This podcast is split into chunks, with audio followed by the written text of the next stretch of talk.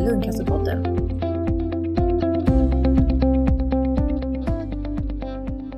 Att få en cancerdiagnos är en livsomvälvande upplevelse som kan liknas vid en kris. Man blir omkullkastad och alla ens cirklar rubbas. Jobbet, privatlivet, nuet, framtiden, allt. Och en kris kan beskrivas som ett tillstånd där individen står utan verktyg. Så för att hantera en cancerdiagnos behöver vi lära oss att använda nya verktyg. Detta har organisationen War on Cancer tagit fasta på. Och dagens gäst är Fabian Bolin som är grundare till War on Cancer. Välkommen hit Fabian! Stort tack Ragnhild, jättekul att vara här.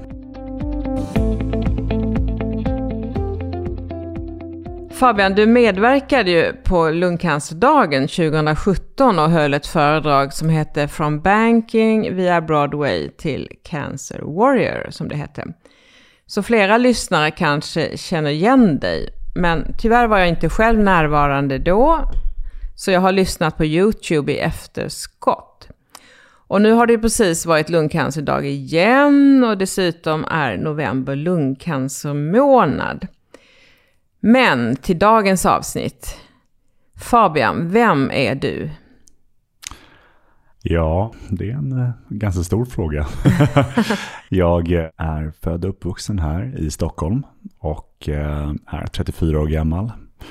Bor tillsammans med min sambo och fästmö sedan ett par månader tillbaka. Och eh, jag jobbar nu och driver bolaget War on Cancer då som, eh, som vi ska prata lite mer om idag. Mm. Eh, du har ett annat yrke, någon annan eh, bakgrund också. Vill du nämna lite kort? Mitt tidigare liv då, innan jag fick mitt cancerbesked så jag hade pluggat ett par år på Handelshögskolan och eh, hade flög därefter ner till London för att jobba med eh, inom bank. Men efter ett par år inom det bankväsendet så kände jag att eh, det var inte riktigt för mig och jag valde att göra ett ganska stort karriärbyte till att jobba med film och skådespeleri istället i London och höll på att arbeta med det och var på väg att flytta över till USA för att fortsätta den karriären. Men det var ju då som mitt cancerbesked kom då stängdes eh, det kapitlet bakom mig och min, eh, min resa med War on Cancer började. Mm. Vill du berätta lite om din cancersjukdom, vad du har gått igenom? Ja, absolut. Jag fick ju då beskedet, eller jag fick diagnosen akut lymfatisk leukemi, som är en aggressiv form av blodcancer. Det här var i juli 2015 och jag har gått igenom ungefär 900 dagar av cellgifter för att behandla mig för det då. Så att jag var färdigbehandlad i slutet på, eller december 2017. Och blev friskförklarad förra året. Oh, ja, ungefär ett år sedan nu. Så det, Härligt. Ja, det, det känns jätte, jättebra. Kan du säga något om hur du själv hade velat blivit bemött i början när du blev sjuk? Vad skulle du velat ha fått av vården? Mm. Ja, det har ju lite eh, nästan lagt grunden till varför vi har utvecklat eh, Warren Cancer-appen. Men, men vad... Eh, så, så, som det är idag när, när man får ett cancerbesked så är det att du får ditt cancerprogram eller ditt behandlingsprogram presenterat för den fysiska cancern. Och sen får man inte så pass mycket mer information förutom några blad, informationsblad om olika platser dit du kan vända dig för att få stöd. Men det är ju faktiskt så att cancer är två sjukdomar. Det är den fysiska cancern och det är den mentala, det är den psykiska sjukdomen eller så att säga den psykiska utmaningen som kommer också. Vi har tittat på forskning som visar att eh, över 20% av cancerpatienter får PTSD. Cancer är ju trauma mm. och PTSD är då posttraumatisk stress inom sex månader efter beskedet och eh, ytterligare 25% får klinisk depression. Så beroende lite på hur det överlappar så kan vi ha uppemot 50% som har en allvarlig mm. psykisk eh, Och det är tillstånd. något som du tycker vården borde fånga upp? Ja, man ser inte det här idag man, och man adresserar inte det. För jag tror onkologin är fokuserad på cancer och psykiatrin är inte inkopplad. Så vad jag hade önskat att det hade varit är snarare så här Hej Fabian, du har leukemi. Här är ditt behandlingsprotokoll för cancern. Här är ditt behandlingsprotokoll för den mentala hälsoresan som också är jätteviktig att vi ser över under den här gången, för de går hand i hand. Du är troligtvis nu i ett chocktillstånd eh, när du har precis fått diagnosen och eh, det kommer att vara så ett tag. Lite senare och då är det viktigt att jobba med acceptans och djupandningsövningar och annat. Och eh, eh, det är viktigt att vi, jag tänker att jag är doktorn som säger det här, med att, att vi monitorerar hur du mår genom det här och håller koll på det tillsammans. Det är ju så konstigt eftersom all expertis finns ju i vården, även inom psykologin. Absolut. Det finns ju terapeuter, kuratorer och det finns, ja, you name it. Men Ja. man blir inte erbjuden. Man blir inte erbjuden, man kan fråga om det och eh, få tillgång till terapi. Men vad jag eftersöker, eller vad jag tror kommer bli framtiden, är att man ser på det direkt som cancer är två. Jo, att man berättar det här kommer att hända, det tycker jag Ja. är ett jättebra förslag. Vad gjorde du då själv för att må bra när du mådde som sämst?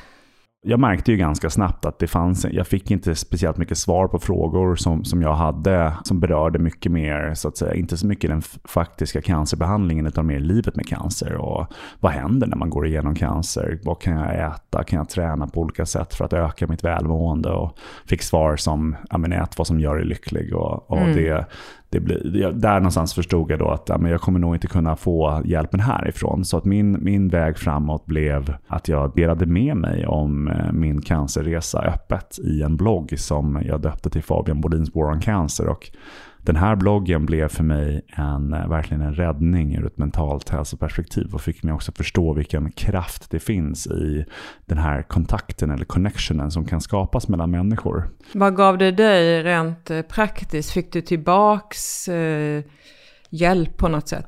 Jag skulle säga att det är tre olika ben, som, eller tre olika delar som gjorde att det var så himla bra för mig. För det första så upplevde jag skrivandet som väldigt terapeutiskt. Det var ett sätt för mig att i realtid bearbeta det trauman som jag gick igenom och på så sätt processa samtidigt som jag rullade igenom den här cancerresan.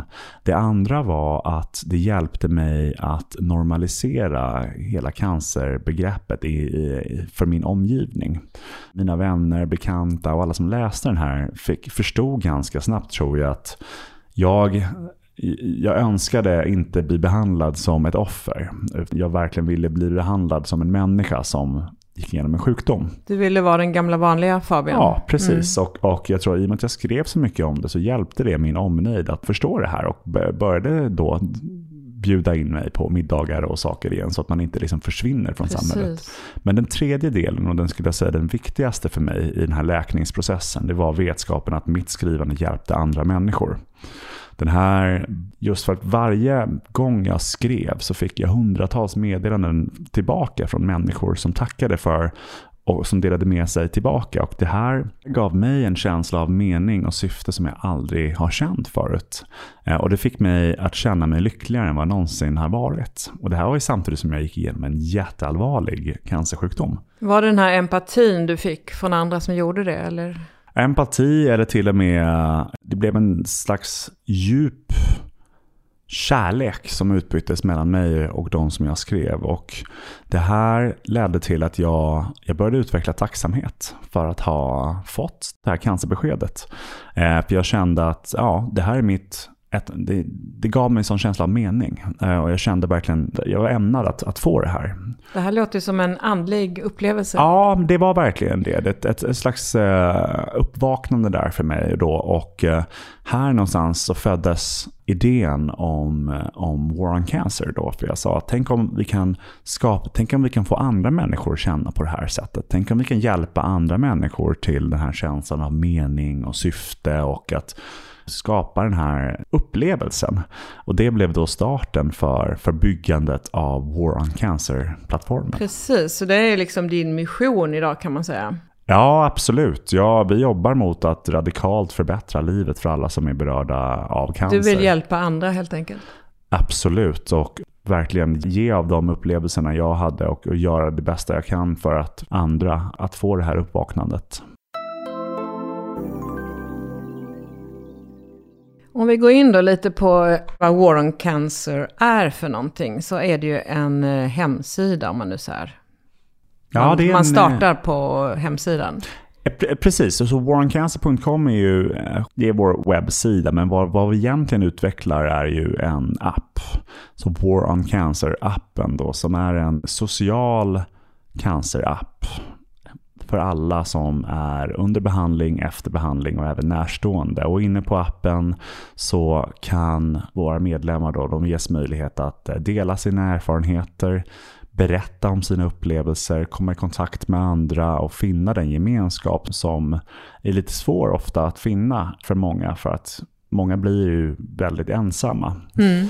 Eh, det är lite det här med Facebook-känslan, att man eh, Precis, hittar andra vänner som har Connection samma. är någonting som vi lägger mycket fokus på. Men bortom det så kan man inne på, så jobbar vi hela tiden kontinuerligt med vad som heter insights inne på appen. Där vi skriver och, och berättar, både i egen regi men också med hjälp av olika experter. Så vi ger tips och råd på hur man på bättre sätt kan hantera sin resa genom cancer. Är det lite föreläsningar?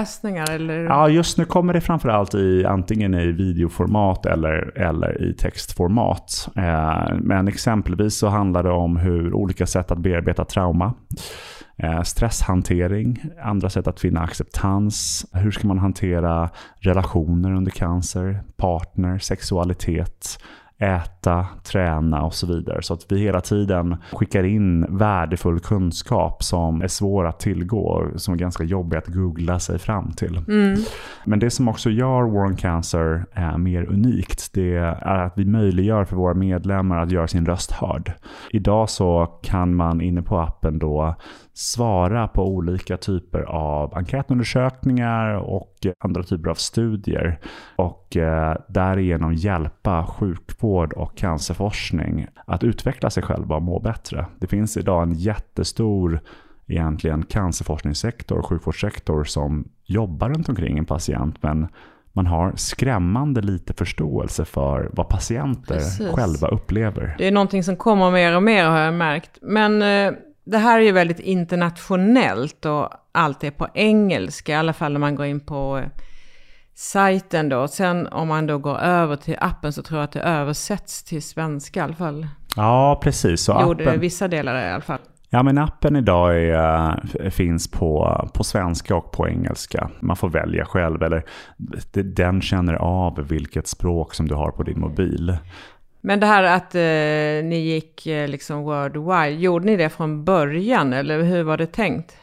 Ja, eftersom min, min blogg var så internationell. Jag fick, eh, på sin höjd hade den kanske 200 000 eh, läsare då, eller som, som hängde med i det här. Och det var ju från hela världen. Så mm. jag, jag förstod där då att cancer är en global sjukdom. Så låt oss bygga en plattform som är global. Mm. Men med det sagt så försöker vi hela tiden. Vi förstår ju att framförallt i början av en cancerresa så kanske det är lite svårgreppbart att tänka att du ska connecta med människor över hela världen. Utan vi jobbar ju då ganska mycket med, inne på appen så matchas du automatiskt med andra profiler som är nära dig, som är från samma land. Hur många användare har ni idag?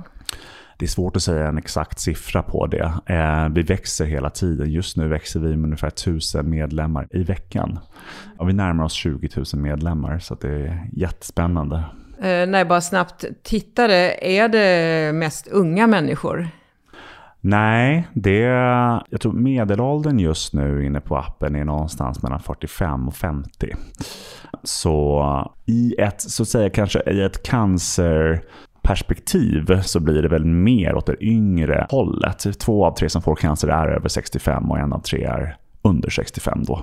Men vi jobbar hela tiden mot att eh, utveckla och, och erbjuda det här för alla som har tillgång till en smartphone helt enkelt och, och möjlighet att, liksom, om man kan använda exempelvis Facebook som på mobilen så kommer man kunna använda War on Cancer. Ja, är ni ensamma om den här typen av app eller finns det liknande i världen för andra sjukdomar? Ja, det finns ett par olika sådana här typer av appar eh, där ute i världen. Vissa lägger mer fokus på att förena alla eller de flesta skulle säga lägger, lägger mest fokus på att förena alla som har någon form av sjukdomsbild eller sjukdomsresa det finns inte så många som lägger fokus enbart på cancer. I vårt fall var vi väldigt måna om att just göra det för att vi tror att kopplingen är väldigt stark. Eller jag känner det med just människor som har gått igenom cancer. Det blir lite bredare om man breddar för alla sjukdomar. Mm. Jo, då kanske man inte hittar den där igenkänningsfaktorn. War on Cancer vill syfta till att förbättra den mentala hälsan som vi var inne på här förut. Och är det just den mentala biten ni försöker nischa in er på som då vi sa den traditionella vården inte är så bra på? Jag skulle säga att vi, eh, vi har breddat oss lite i sättet, eller vi kommer att bredda oss mer och vi börjar prata mer om att vi vill förbättra livet. Men jag ska inte sticka under stolen med att mental hälsa är någonting som vi tycker är väldigt viktigt. Och det är just den delen som jag tycker är mest eftersatt idag inom vården. Så att där, det tycker vi om. Där finns mycket att göra. Ja. Vad är egentligen mental hälsa, tycker du? Ja, mental hälsa, definitionen av det är egentligen, det bryts ner i tre olika delar. Så det är emotionellt välmående, psykologiskt välmående och socialt välmående. Och emotionellt välmående, det handlar om min förmåga att förstå mina egna känslor och uttrycka dem. Psykologiskt välmående handlar om min känsla av mening och syfte i livet. Och socialt välmående handlar om hur väl jag kan komma till uttryck för mitt autentiska jag i mina sociala relationer. om vi kan titta på dem enskilt så är det ju så att ja, emotionellt välmående, det är här du hittar trauma som man ofta pratar om att cancer är. Det är egentligen vad det handlar om att det är, då är det den emotionella välmåendet som tar skada trauma är så att det är så, så mycket känslor som påverkas att du stänger ner för att du inte kan hantera det. Trauma leder ofta då till antingen PTSD, ångest och depression. Vad gäller psykologiskt välmående så är det som jag nämnde då eh, känslan av mening och syfte i livet. Och det här, där här hittar man ju också sin egen identitet. Vad gör jag i livet och vad är det som jag gör som gör att jag känner mening i livet? För många är det karriär. För andra kanske är det att man är nybliven förälder. Och det är inte svårt att se att de här de här delarna slås ut ganska mycket under i alla fall en, en första perioden av en cancerresa. Att du kan inte jobba och du kan inte vara kanske den, den förälder som du hade önskat att du kunde vara. Men Socialt... det här måste du själv ha jobbat mycket med. Har du fått hjälp av någon eh, terapeut eller coach eller har du läst dig till det?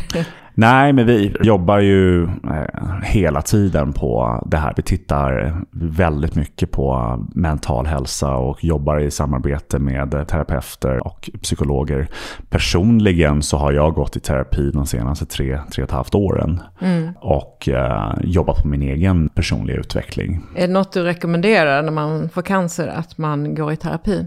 Oh ja, det gör jag. Det, det har varit väldigt värdefullt för mig att, eh, att kunna prata med någon som inte är en vän eller inte är en familjemedlem och som också har en helt annan typ av erfarenhet genom att leda en riktigt bra psykolog eller terapeut ställer rätt frågor. Mm. Det har fått mig att verkligen se på min egen situation, vem jag är, ett helt annat typ av ljus. Så det, det kan jag varmt rekommendera. Och det här kan man ju faktiskt eh, få hjälp med om man frågar sin eh, läkare eller till och med på vårdcentralen kan man få terapi om man säger det. Absolut. Men när man då blir sjuk, räcker det inte att gå med i en patientförening för att få det här med sammanhang och träffa andra och liksom känna att det finns fler med min diagnos? Jo, en patientförening är, de, de är, gör ett fantastiskt arbete. Och just vad jag skulle säga att de främst tillgodoser är ju det sociala välmåendet. Om vi tittar på den här mentala hälsoaspekten igen. Det är just känslan av att inte vara ensam. Man finner ett sammanhang och det ökar det so sociala. Men som vi har varit inne på så är mental hälsa det är en, en, det är en ganska allvarlig resa som patienter gör här. Och att bara vara i ett sammanhang med andra människor kommer inte räcka för alla utan man behöver mer hjälp på olika sätt. Och här ser vi att både vår app kan komma in, men också förhoppningsvis framåt också att sjukvården kommer in och tar ett större tag här. Men vi har alltid sett oss själva som ett komplement till patientföreningar just för att det går inte att ersätta det fysiska mötet med digitala verktyg. Snarare skulle jag säga att vi är för digitaliserade i den här världen. Eh, och det är roligt att jag säger det nu när jag själv mm. utvecklar en mm. app. Men jag tycker att det är så. Utan jag tror verkligen att vad vi ser oss själva mer som är en app som alltid är öppen. Vi finns alltid där och eh, det kommer alltid att finnas människor där som du kan prata med. Vi hoppas att kunna i framtiden jobba närmare patientföreningar också och hitta liksom en bra samverkan där. Mm. Det tror jag är bra. Men jobbar ni aktivt mot just vården, att just få dem att fatta de här frågorna? För det är där jag tycker krutet också måste ligga. Ja, jag tror vi har gjort, jag vet inte ifall vi har varit stått på över hundra föreläsningar och pratat om vikten av mental hälsa inom vården och vi har fört långtgående dialoger med de flesta sjukhusen i Sverige och nu ett par sjukhus även i England vi jobbar jätteaktivt med det här. Jag skulle säga att vi nästan är som ett aktivistvarumärke när det kommer till just att få in den mentala hälsan. Men som vi alla vet, sjukvården är en tung bäst. Det tar tid att göra förändringar. Det är ett komplext system. Privat sjukvård är lite annorlunda för att där, tittar vi på offentlig sjukvård så handlar egentligen allting om kostnader idag. Hur kan man få ner kostnaderna för sjukvården? Så då måste ju vi, för att man ska få in mental hälsa och fokus på mental hälsa inom sjukvårdens gränser så måste man ju i sådana fall förklara ja, men hur kan det på ett kostnadsmässigt sätt gynna sjukvården och samhället. Man måste få en vinst. Ja, och det räcker inte med att bara säga att patienter mår bättre av att använda exempelvis en app som War Cancer eller mm. att man får terapi. Utan vad är kostnadsbesparingen? Mm. Eh, och då får man ju titta på det här. Vi vet ju redan att bara att en, sjuk, en läkare i patientmötet, om, om en läkare ställer frågan hur mår du? Som är ofta den frågan som läkaren inte vill ställa för man tänker att då ramlar man in i en så här oändlighetssamtal. Det förkortar i snitt läkarmötena eller med tre minuter. Oj, eh, får man känna sig sedd? Precis, det är det det handlar om. Så att, och, och sen vad man också tror jag bör titta på än mer noggrant är om du ger en cancerpatient mentalt stöd hur mycket snabbare kommer cancerpatienten att kunna återgå till arbete. Just det. Eh, en vinst där, för samhället också. Precis. Eh, men så tänker inte, tyvärr så är det, då, då, blir det ofta lite för holistiskt och där försvinner ofta liksom, det enskilda sjukhusets motivation. Det är säkert en rädsla också för man vet inte var hamnar jag då som läkare. Vad ska jag Absolut. erbjuda? Jag kanske inte har den kunskapen. Men du sa då på lungcancerdagen 2017 också att det fanns ett enormt behov hos de närstående att dela med sig. Och nu hade vi ett avsnitt förra gången om närstående perspektivet. Men ni har ju tagit in de närstående också mm. i appen, att man kan skriva där. Och vad tror du själva skrivandet gör? Du var inne på det i början när du pratade om din blogg. Men att dela sina erfarenheter. Vad tror du att det ger, att man delar det med andra? Det ger mycket. Det är en copingmekanism för mental hälsa. Eh, skrivandet, det kallas expressive writing. Genom att skriva, och framförallt att skriva om sina känslor. Men egentligen skriva vad som helst om sina upplevelser, är, det gör att vi läker vår egen mentala hälsa i fallet på, inne på War on Cancer så har det ju dubbel vinst för att för det första så skriver man för sig själv. Men för det andra så vet också då medlemmen att andra kommer ta hjälp och bli hjälpta av att läsa. Många av våra medlemmar inne på, på War on Cancer-appen är där och läser. Det är så som de blir hjälpta. Mm. Och genom att höra det då så blir man själv hjälpt? Absolut, det är den, den altruistiska lyckan. Mm. är det enda som statistiskt säkerställt gör en människa lycklig. Alltså en altruistisk handling. Mm. Det är det enda som gör en människa riktigt lycklig. Mm. Jo, det där känner jag till. Eh, ni fick ju väldigt mycket uppmärksamhet av media i början och ni var inbjudna till stora konferenser och fick åka till Bryssel bland annat. Och ni sa att ni ville förena alla som har cancer och utmana den rådande normen om vad cancer är. Och det låter ju lite som mission impossible, för det finns ju faktiskt hundra olika cancerformer. Mm. Hur har det gått? Ja, men det har gått bra. Det finns över 200 lungcancerformer. Gör det? Ja, att det, är något, ja, det blir ju mer och mer granulärt på det sättet. Men det som har hänt när det kommer till det mentala så är det inte så himla stor eh, skillnad. Så det är så som vi ser att vi förenar människor. De här värdena som livet med cancer, hur jag känner och hur jag mår. Då spelar det inte lika stor roll om jag har lungcancer eller bröstcancer eller prostatacancer. Och just idag, nu har jag faktiskt inte de siffrorna exakt, men jag vet att när jag kollade för, jag tror det var ett år sedan, så hade vi över 30-40 olika cancerformer inne på, på appen. Från över 20 olika länder. Så att det det är nog fler idag. Men det här att man då inte är nöjd med vården, är det inte också lite av nutidsmänniskans gissel? Att man vill själv ta kontroll över sin situation. Du pratade om det i början, att du fick inga bra råd, det var bara det här, lev som vanligt, ät vad du vill. Man vill ju göra någonting. Är det liksom eh, lite av eh, nutidsmänniskans då problem? Eller är det främst vården som har släpat efter? Att de inte tänker så mycket på den mentala hälsan? Eller Ja. kombo kanske? Precis. Jag tror, eh, jag tror varje människa mår bra av att veta att du har kontroll i dina egna händer. Det är en stärkande känsla istället för att egentligen då lägga sig platt och betrakta sig själv som helt hjälplös. Det tror jag i grund och botten är någonting som får en människa att må bra. Du kan göra saker själv, du kan påverka ditt mående och du kan ta en del i den här resan. Men sen så är det viktigt också att eh, samtidigt jobba med acceptans. Att acceptera att ja, men nu är situationen så att jag har det är ingenting jag kan göra åt det. Och det är ingenting som jag behöver därigenom. Utan snarare då försöka landa i det här är precis det jag har just nu. Hur kan jag göra det bästa av situationen i nuet, givet att jag... Och att ta kontroll över sin situation inte bara blir ett symptom på att man vägrar acceptera vad det är som man har fått. Nej, då är det ju förträngning. Precis. Eh, så det, är, det tror jag är viktigt att jobba på båda de eh, puckarna. Har ni terapeuter och läkare anknutna till sajten?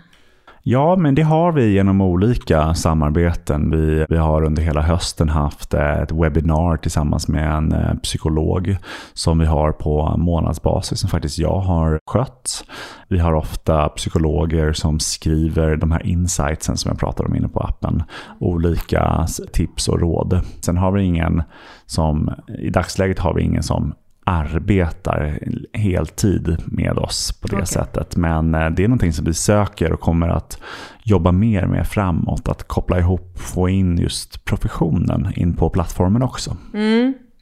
Det tycker jag vore bra. Eh, Jag får lite känslan av en frälsningsrörelse när jag kollar på sajten. Och det är också lite för att jag är uppvuxen i kyrkan så jag kan känna igen språket. Det här att man inte är ensam, att vi går igenom det här tillsammans. Att vara tacksam som du berättade om, att man kan till och med vara tacksam över sin cancer. Och att dela med sig. Och det är också lite av AA-rörelsens möten det här att man berättar sin life story. Har ni inspirerats av någon sådan rörelse? Nej, alltså jag tror att det har varit vad jag själv har känt och eh, när vi har skapat det så de här orden och, och det, det är någonting som vi själva har tyckt är viktigt. Det var så som jag själv kände kring min, just de här orden, från, från, det, det är sprunget väldigt mycket ur mina egna erfarenheter.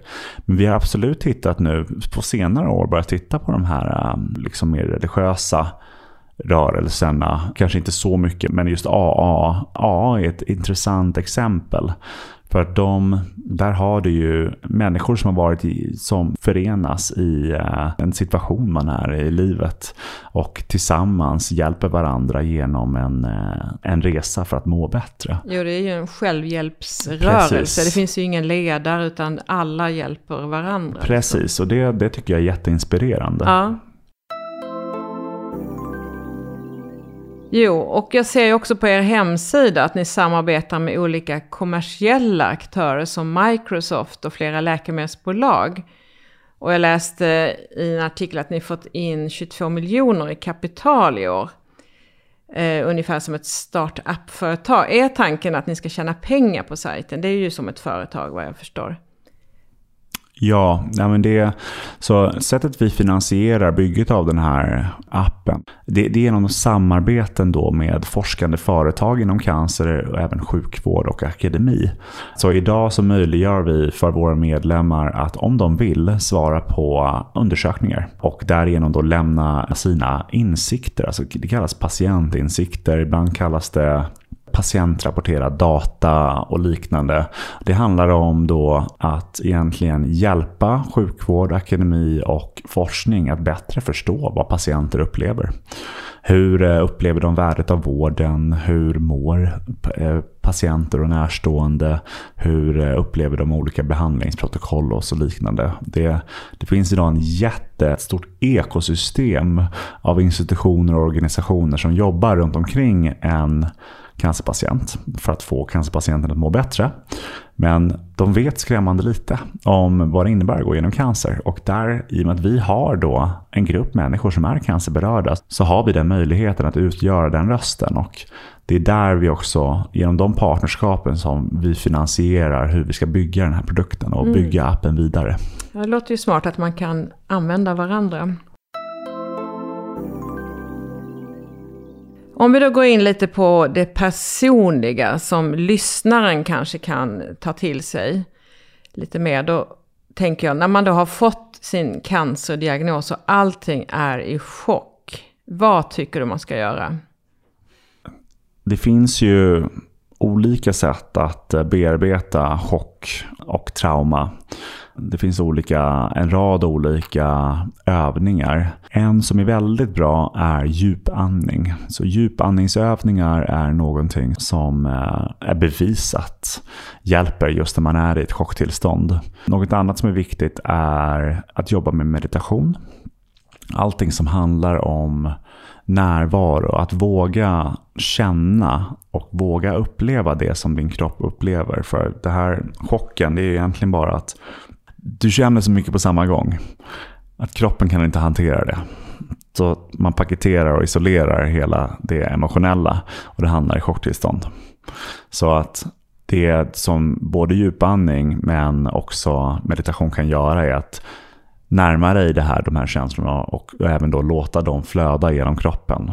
För när de väl har flödat genom kroppen så kommer de att, eh, eh då kommer det att, de, inte, inte försvinna, men då kommer liksom chocken att försvinna. Det är liksom eh, att inte fly, utan att våga stanna. Precis, våga stanna, våga andas igenom det. Och jag skulle väl säga också att det jag kände ganska tidigt när jag fick mitt cancerbesked var att jag fick en chans att reflektera lite i livet. Och det kanske, precis som man är i chocktillstånd som den här frågan berör, då är det ju lite svårt att reflektera. Men efter chocken har lagt sig så, så kände jag att jag för första gången i mitt liv kunde ja, men sätta mig ner och fundera lite på men vad håller jag på med egentligen? Vad gör jag i livet? Är jag, är, är jag ens lycklig? Mm. Är jag på rätt bana? Jag eh, känner mig inte speciellt lycklig. Och jag började då självreflektera väldigt mycket och det, det satte av mig på en, på en stor inre resa. Så det, det kan jag rekommendera, att våga ställa dig själv frågorna. Precis, man borde ha en manual man ska ställa. Ja, och där är det också, tror jag, viktigt att våga ställa sig den frågan som jag vet att många cancerpatienter inte vill kännas vid. Vilket är, om jag behövde svara på frågan varför fick jag cancer? Är det någonting som, är det, är det på något sätt, är det något, har jag levt på något sätt som inte är förenligt med mitt hjärta? Har jag tagit hand om mig själv eller har jag, jag tror, och det här handlar inte om att lägga skuld på sig själv, utan snarare bara se här, personligen, och det här, nu kan vi bara prata från våra egna hjärtan här, för att det, det blir, det är så komplexa frågor, men jag, jag har valt att betrakta min cancer som en, en lärare. Eller en, en lärare som kom till mig för att jag behövde det. Så att det är egentligen inte cancern som är felet. Utan för mig så kan jag se tydligt att jag levde väldigt bortkopplat. Jag var inte närvarande i mitt liv innan jag fick det här beskedet. Och jag levde destruktivt mot mig själv. Jag trodde att jag följde min egen passion med film och skådespeleri. Men vad jag ganska snabbt insåg var att den anledningen till att jag valde den vägen var för att jag behövde extern validering. Jag behövde få kärlek från ett yrke som jag då trodde skulle ge mig mycket uppmärksamhet. Varför behövde jag den kärleken? Jo, ja, men då är vi tillbaka på vad vi alla har gått igenom. Det är väldigt mycket trauman från barndomen. Någonting genom min uppväxt uh, har fått mig att känna att jag inte blivit sedd. Och då har jag förstått att jag får inte kärlek inifrån utan jag behöver hitta den utifrån. Ja, det är mycket insikter som det har gett dig. Så att, uh, jag skulle säga att det är haglade insikter ja. för mig. Uh, gäller ju att inte stanna och bli ett offer. Absolut inte. Utan bara återigen acceptera. Nu är vi här. Vad kan jag göra av det här? Jag tror att en, en, en eh, väldigt konstruktiv fråga att ställa är vad kan ha föranlett att jag fick cancer? Utan att anklaga sig för mycket. Absolut. Mm. Och, det här, och det här återigen, människor alla gör det bästa de kan givet sina förutsättningar. Mm. Så man behöver aldrig någonsin skuldbelägga sig själv. Utan, men ibland är det så att man utan att förstå det själv inte lever rätt mot sig själv. Mm. Man kan leva bättre helt enkelt. Ja. Men när behandlingen rullar på och man ska försöka ta sig tillbaks till livet. Vad har du för tips att ge då?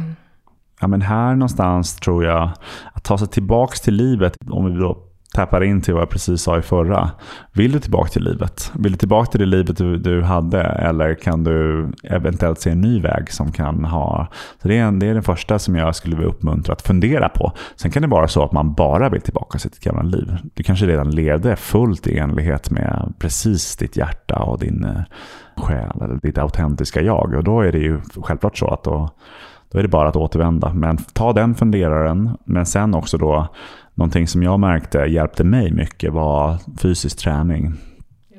Sex månader in i började jag, stapplade jag in på, på gymmet och började försöka träna igen. Det var ju ett helvete i början såklart. Jag hade ingen ork, men väldigt, väldigt snabbt så börjar liksom energin byggas upp igen. Mm.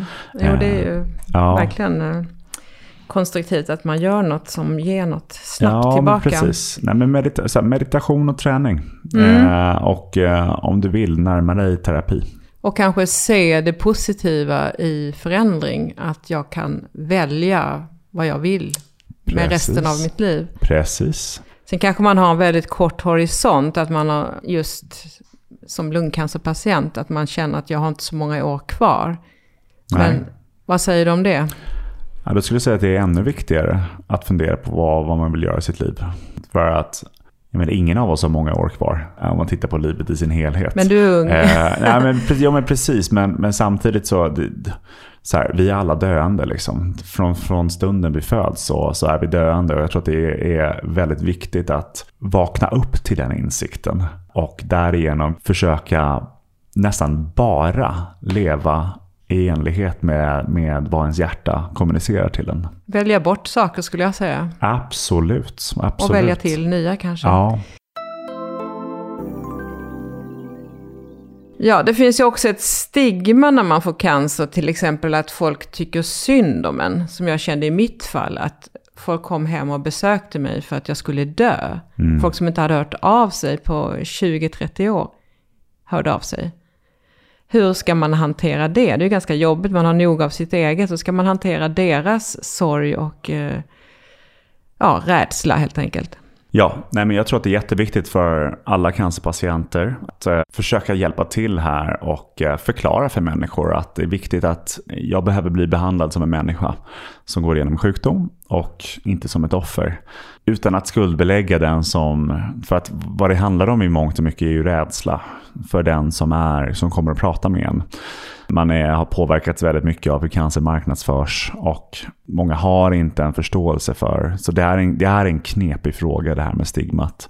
Men jag tror att kommunikation är det viktigaste. Och att man vill vara den gamla vanliga människan, att man inte ska bli betraktad som nu är du döende liksom. Precis, men och det, det, är viktigt att kommunicera så ofta som möjligt skulle jag säga. Det kommer hjälpa till att normalisera bilden av cancer.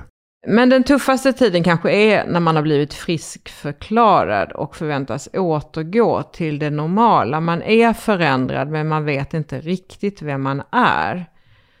Hur lång tid tar det egentligen att bli sitt vanliga jag? Eller blir man det aldrig enligt dig?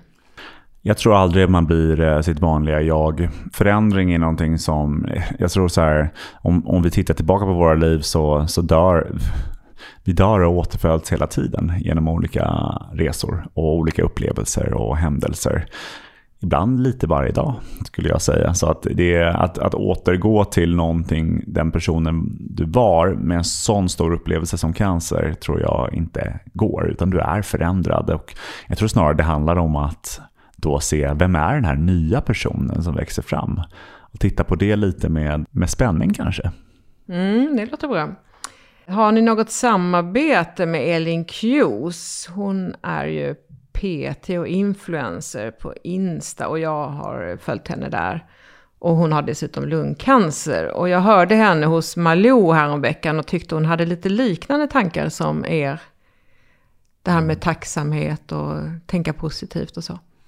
Ja, Elin är ju en, en nära vän till mig personligen och hon är en av de mest inspirerande personerna som har öppet berättat om sin cancerresa. Just för att hon väljer verkligen att leva i nuet. Och betraktar, jag tror hon tänker väldigt lite på sin faktiska sjukdom. Utan hon tänker bara på, ja men hur mår jag just nu? Och jag tycker att det är en super, hon har verkligen inkorporerat mycket av det som jag personligen tror på som, som vårt företag försöker förmedla. Vi har haft ett par samarbeten med henne och kommer med stor sannolikhet ha ett par till framåt. Hon är klockren. Mm. Men om man då bara mår skit hela tiden och man koncentrerar sig på det? Ja, ja men såklart. Det, det, det, det kräver ju en jättestor psykologisk uthållighet. Och det att trots att du känner att du inte mår bra, ändå tänka, alltså försöka tänka som att du mår bra. Det är eh, för att hjärnan och kroppen responderar till ditt tankesätt väldigt mycket. Eh, och Eh, inte, inte bara, men det påverkas jättemycket. Lura hjärnan lite. Pre precis, och verkligen sätta in i en situation av att nej men, jag mår bra nu. Det, det är jag, nu liksom, inte hymla. Med, och det är skillnad från att säga jag mår bra med jag känner att det gör ont. Smärtan i kroppen gör ont, men jag väljer ändå att omfamna nuet. Att man kan vara lite snäll mot sig själv och liksom ge medlidande åt sin kropp som lider. Absolut. Men ändå känna en tacksamhet. Ja, och snarare verkligen bara vara med det du känner. Vi leds in från tidig ålder till att försöka undvika att känna smärta och undvika att känna sorg och ledsamhet. Jag menar föräldrar är väldigt, de, det värsta de vet är att se sitt eget barn gråta. Och då försöker man göra vad man kan för att den inte ska gråta. Medan jag tror att det viktigaste man kan göra om ett barn gråter är att sitta och gråta med Sitta och förklara att ja, men nu är vi ledsna här. Då är vi det. Låt den, den känslan flöda. Och på samma sätt om du känner smärta. Ja, då känner du smärta. Och känn det på riktigt. Så det viktiga är inte att jag ska vara glad och känna tacksamhet hela tiden. Utan jag får känna sorg och, ja, och ilska. Känn, och känn det fullt ut. Känn det verkligen fullt ut. Det är inget farligt att känna de här känslorna. Det är viktigt. Om du låter de känslorna flöda genom kroppen så kommer det bli väldigt läkande för kroppen. Det viktiga är kanske att inte vara rädd. Precis. För det som kommer, utan känna att det går över. Ja, Jo, du var inne på acceptans också tidigare som ett nyckelord. Varför är det viktigt att jag accepterar att jag har fått cancer? Därför att du har fått cancer. Om du försöker lägga energi på att inte tolerera den sanningen, då ödslar du mycket energi på som du annars kan lägga på mycket viktigare saker. Som exempelvis det vi nyss pratade om. Hur kan jag lägga den energin på att tänka positivt här? Eller tänka att jag behöver gå igenom det här för att lära mig någonting och så vidare. Om du stretar emot vad som redan är så kommer du ödsla mycket energi. Hur ser framtidsplanerna ut för War on Cancer? Vad vill ni åstadkomma? Ja, nej, men vi har ju ganska nyligen också lanserat eh, en tjänst inne på War Cancer-appen som heter Clinical Trial Finder. Alltså en möjlighet för våra medlemmar att få en lista med relevanta kliniska forskningsstudier runt om i världen som kan vara aktuella för mig att söka till. Det här är ju ett problem idag som är stort inom cancerforskning och sjukvård i form av att det finns väldigt många kliniska studier som söker aktivt patienter och det finns många patienter som behöver ingå i en klinisk studie. Men dessvärre så lägger idag all börda på att läkaren ska kunna hålla koll på alla kliniska studier som sker. Och vi vet många fall där läkaren bara har koll på de kliniska studierna som finns i ens region. Inte ens i hela landet. Än mindre vad som sker i Danmark, och Norge, eller Frankrike och England. Och här har vi ett verktyg då som underlättar den processen.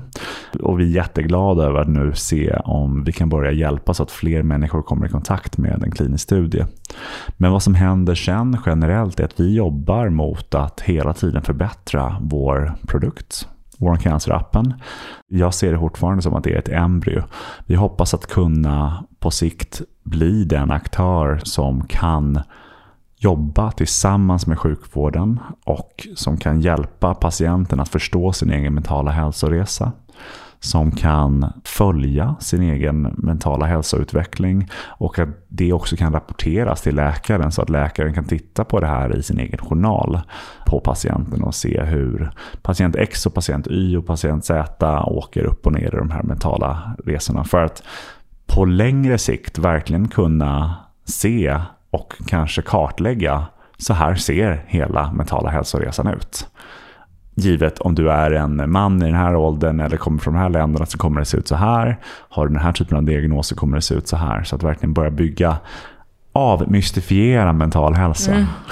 Ja, det låter ju bra. Jag vill bara förtydliga det här med kliniska studier. Att bara för att man har fått någon studie som passar mig så är det inte säkert att man får ingå i den studien. Utan Nej. Sen måste man ju själv ta kontakt med sin läkare och prata vidare om det kan passa. Så är det. Vi är inte mm. på den nivån att vi kan göra matchningen. Utan Nej, vi, precis. Vi, vi, det är en hjälp att se vad som Just. finns i världen. Som man kanske har svårt att hitta själv. Så det är en hjälp.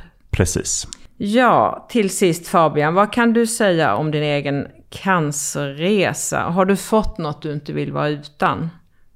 Jag känner flera gånger i veckan en jättetacksamhet för att jag har fått hamna på den här resan för mig själv. Det har satt av mig på en resa i personlig utveckling som jag aldrig hade kunnat drömma om. Och att få chansen och förmågan att verka för att hjälpa andra människor. Det, det, har, det har gjort att ja, men mitt, mitt hjärta verkligen kunnat börja slå igen. Och jag känner ett leende i livet eh, som, som jag aldrig trodde att jag hade kunnat få känna. Så jag är så glad över vad jag fick uppleva. Eh, supertufft såklart att gå igenom. Det hade också kunnat resultera i att jag inte hade överlevt. Men nu lever jag och eh, ska spendera mitt liv med att försöka hjälpa andra. Det låter helt fantastiskt. Tack Fabian för din medverkan och alla råd och tips du har givit. Jag tror det är mycket som vi kan känna att vi kan få hjälp av om vi lyssnar på vad Fabian har sagt. Alla som ännu inte gått in då på Warren Cancers hemsida eller appen så är det www.waroncancer.com. Och det går bra att kommentera dagens avsnitt på vår hemsida som är www.lungcancerpodden.se. Och jag vill också passa på att tacka Taylor som sköt inspelning och klipp. Och tack inte minst till alla er som lyssnat. Stort tack och hej då Fabian! Hej då Ragnhild, stort tack!